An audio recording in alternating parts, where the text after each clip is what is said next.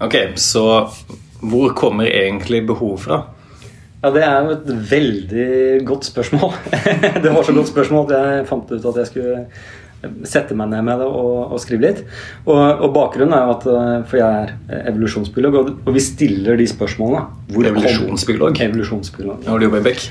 Eh, ja, åpenbart en sammenheng der. Ja. Eh, og det er det faktisk. Men det får bli tema for en annen eh, for en større podkast. Det er faktisk planlagt. Mm. Men, eh, men, det er de spørsmålene vi stiller oss ofte. Hvor kommer sånne helt sånne grunnleggende ting fra? Hvordan kommer de inn i verden? ikke sant? For skjønne det helt i, i bånn.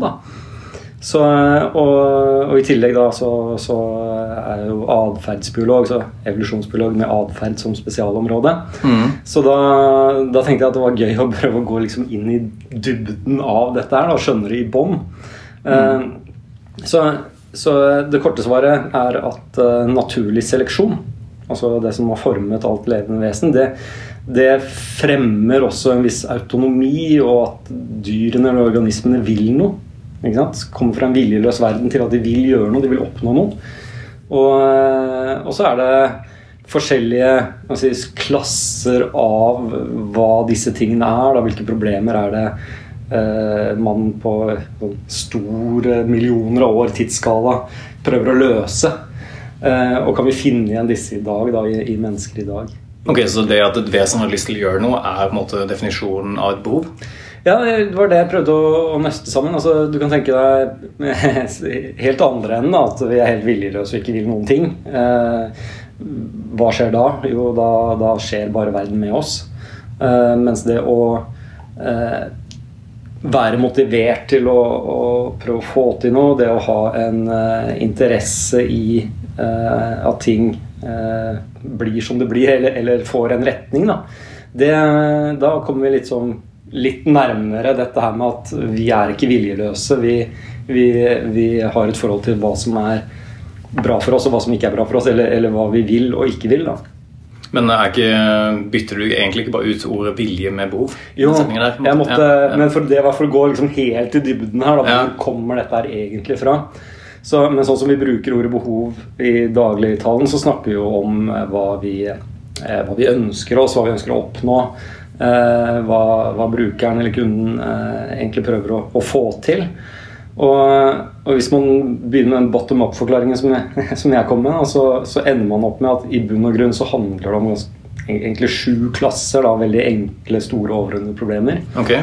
Eh, hvor den ene er liksom 'hold deg i live'. Vi, vi snakker Maslows ja, ja. men, men, den nye versjonen av Maslows behovspyramide, mm. som handler om eh, unngå å dø, unngå å bli smittet, eh, finne en partner, uh, få i deg nok mat. Så, sånn helt sånn, Beholde partneren din. Litt sånn grunnleggende og, Jo, skaffe allianser. Finne partnere. Ok, Er den på toppen? Ja, de, de, disse her står på en måte De er like gyldige alle sammen og står ofte i konflikt med hverandre. Så det er ikke en pyramide lenger? da? Nei, pyramiden er borte. Så nå ja. er det mange Det er bare et stort fundament, liksom? Ja, det er noen grunnleggende problemer som, som, vi er tilpasset til å løse. Mm. Og som vi, som vi, søker løsning på hele tiden. Og de står av og til i konflikt med hverandre. Men er det ikke holdt på å si, mer viktig å holde deg i live enn å beholde en partner? Ok, det var ja. fra tilfelle til, men ok. Ja, ja nei, jo, men der, der, blir, der syns jeg det blir interessant. Ja. da, fordi det er jo sånn, Du kan jo se for deg at menn ofrer seg for eh, kvinner og barn, er en kjent uh, situasjon. Mm. Uh, hvor, uh, og der ikke sant, I de grensetilfellene der så har revolusjonsteoretikere mye å si i forhold til Ja, vi tror at dette her vil override dette. Ja. Så, og det, det, er, det, er, sånne ting man driver og forsker på. da. Men eh, hvordan tar man det valget om hvilket behov som er viktigst? Ja, Det gjør vi helt, helt automatisk. Så det, det, er en følelsesgreie som vi instinktivt uh, uh, gjør. da. Men det er ikke lett. Ikke? Du har en drive som drar deg den ene veien, så har du en drive som drar deg den andre veien, og så har du, opplever du en indre konflikt. Og så kommer det helt an på livssituasjonen din og ja, helt spesifikke situasjoner. Noe av det vanskeligste jeg syns med behov sånn som vi bruker det i eh, jobben vår, det er jo eh, forskjellen mellom et eh, tenkt, rasjonelt behov ja. og det indre, faktiske behovet. Mm. Og hva du uttrykker til meg når jeg lurer på hva du har lyst til å få til. Mm. Mm. og hva du faktisk egentlig trenger. Mm. Altså din faktiske atferd etterpå. Ja. Etter at jeg har bygd en løsning som er Ja, det var dette du sa. Mm, at du ville liksom få det til. Men, men det at vi har jo et sånt eh, idealisert bilde av hva slags behov er det som er riktig å ha. Mm. Og det er jo ikke alltid like tett på, Ja. liksom. Ja, nei, jeg tenker altså De, de jeg snakket om til nå, er jo ganske langt unna Sant, den er verden der. sånn- Men, eh, men eh, det henger litt sammen også, fordi disse behovene jeg snakker om nå, er De gjør, de gjør at vi ikke tar rasjonelle valg, da.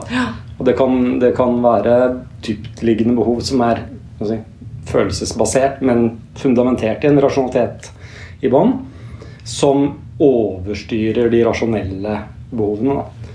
Så, og jeg tror noe av magien i, i det vi gjør, da, det handler jo om å faktisk lage ting som vi tester ut om faktisk gir respons eller ikke. fordi da, da kan du glemme Du kan egentlig glemme hele den derre altså grunnleggende og, og vitenskapen bak, så lenge du får teste om faktisk gir respons. da. Ja, for vi snakker jo mye om det der med å observere atferd og verdien av det Ja. over å innhente holdninger egentlig på forhånd. Det er to veldig forskjellige ting. Ja. Men veldig ofte behandler vi det som altså Vi pakker det inn i den samme sånn behovskartleggingsbolken. Mm. Alt er kartlegging av behov, men det er to veldig forskjellige valører i hva tenker du at du tenker, Ja. og hva gjør du faktisk etterpå. Ja. Og, og der ligner det mm, Altså, det vi gjør her, som er så empirisk basert, ligner mye mer på faget mitt enn det gjør på mange andre atferdsfag. For, for jeg bryr meg bare om hva er outputen. Hva gjør du faktisk? ikke sant? Eh, og den indre den indre rasjonelle fortellingen da, om hvorfor du gjorde det, den bryr ikke jeg meg noe om. Okay. Den er egentlig ikke så viktig. Og den er egentlig bare Altså Det man vet om det nå, er at det sannsynligvis bare er en historie vi finner på etter at vi har tatt et valg. Nå Men er- kiler vi litt på hvorfor du jobber i Beck. Ja, Ja. Men eh, er det ikke viktig? Fordi La oss si at en person eh, bestemmer seg for å løfte vekter. Ja. Om den personen bestemmer seg for å gjøre det for å forbedre seg selv pga. helse, versus at den personen der blir betalt til å gjøre det. Det er en forskjell i det, selv om han gjør samme aktivitet. ja. Jo, jeg skjønner hva du mener. Eh, Jeg, jeg ville gått og lett etter behovet som ligger under der igjen. da. Okay. Og da går du jo på altså Hvis det er penger som lokker han, hva, hvorfor er det behovet for penger der? Er det fordi han skal vise seg fram for en dame? For eksempel. Du skal, skal ikke langt ned for du kommer ned til disse sju grunnleggende eh, tingene. da. Jo, men det er derfor jeg tenker liksom, Hvis vi bare måler atferd I det tenkte eksempelet den personen som driver løfter eh, tunge ting fra A til B, Ja. så ser vi bare at han løfter tunge, tunge ting fra A til B. Og så designer vi en løsning som gjør at det blir mer effektivt, for han løfter tunge ting fra A til B. Men vi vil jo da ikke røre innom hvorfor han gjør det. Nei. Ikke sant? Automatisk. Ja. Så, så ja, ikke sant? Så du kunne jo sagt at vi, la, vi kan lage en løsning som vi bare ser at han vil ta i bruk, uten å egentlig skjønne hvorfor. Ikke sant? Er ikke det svakheten med atferdsorientert si, innsikt og sånt? For noen år siden så jobbet jeg liksom med eh, innhold, eller, eller prøvde liksom å få til innhold som en del Mm. av en brukeropplevelse. Åpenbart, for det er det jo. Eh, og snakket ganske mye om budskap. Og budskap Mm. handler jo litt om å treffe på egentlig fortellingen om deg selv. Ikke sant? For da er det, Jeg kan ikke snakke til en atferd du ikke engang selv er bevisst. Da må jeg snakke til ja, hva er holdningen din, og hva er forestillingen din Mm. om hvorfor du gjør ting. Tenk, eller det Ja. tenker jeg iallfall nå, da, når Ja. vi snakker om den forskjellen her. Ja, det er kjempeinteressant, og jeg er helt enig. Eh, Fordi vår egen oppfattelse av hvorfor vi gjør ting, er helt annerledes enn det som er på en måte den dype rasjonell eller grunnen til det. Jeg tror eh, det som jeg setter pris på å kunne da, i, i møtene her, er at jeg kan på en måte se litt forbi de, eh, de grunnene vi oppgir, og de måtene vi snakker om hvorfor vi gjør ting eh, sammen på. Fordi eh, de er funnet på.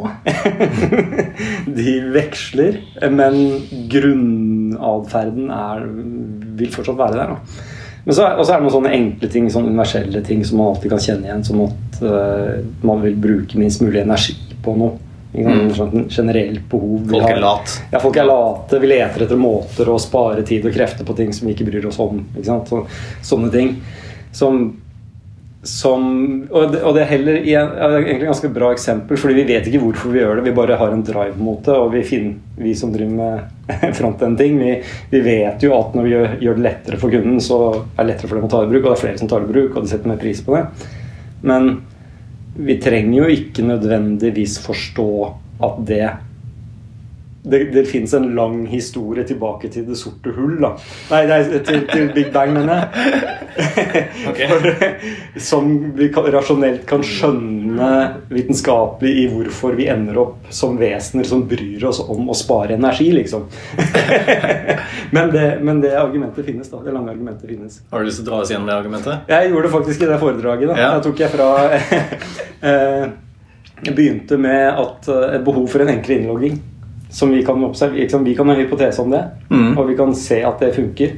Hvorfor har kunden behov for det? Jo, fordi han egentlig ikke vil uh, bruke så mye tid på uh, den kjedelige jobben det er å gå inn i nettbanken, eller hva den er. Mm. Uh, hvorfor, hvorfor, vil han ikke bruke tid og krefter på det? Nei, fordi han er et evolvert vesen som optimerer tidsbruken sin. Og hvorfor det? Jo, fordi naturlig seleksjon favoriserer de som de som eh, eh, har vært flinke til å spare energi. Ja. Eh, og hvorfor det? Jo, fordi eh, naturlig seleksjon har oppstått i en verden hvor, eh, hvor det finnes levende vesener som eh, repliserer seg og arver med uperfekte kopier av seg selv. Uh, og hvorfor det? Jo, fordi det har oppstått en eller annen gang et selvrepliserende molekyl i vår uh, forhistorie. Og hvorfor det? Jo, fordi uh, Og vips, så er det inn i kjemien og fysikken. og tilbake igjen til at universet vårt er ganske stabilt. Og, og vi lever i en stabil sone. Så vi kan spore behov tilbake til eh, starten på universet? Vi kan faktisk det, ja. Helt til innlogging. det skal jeg si neste gang noen spør hvorfor dette er viktig å gjøre.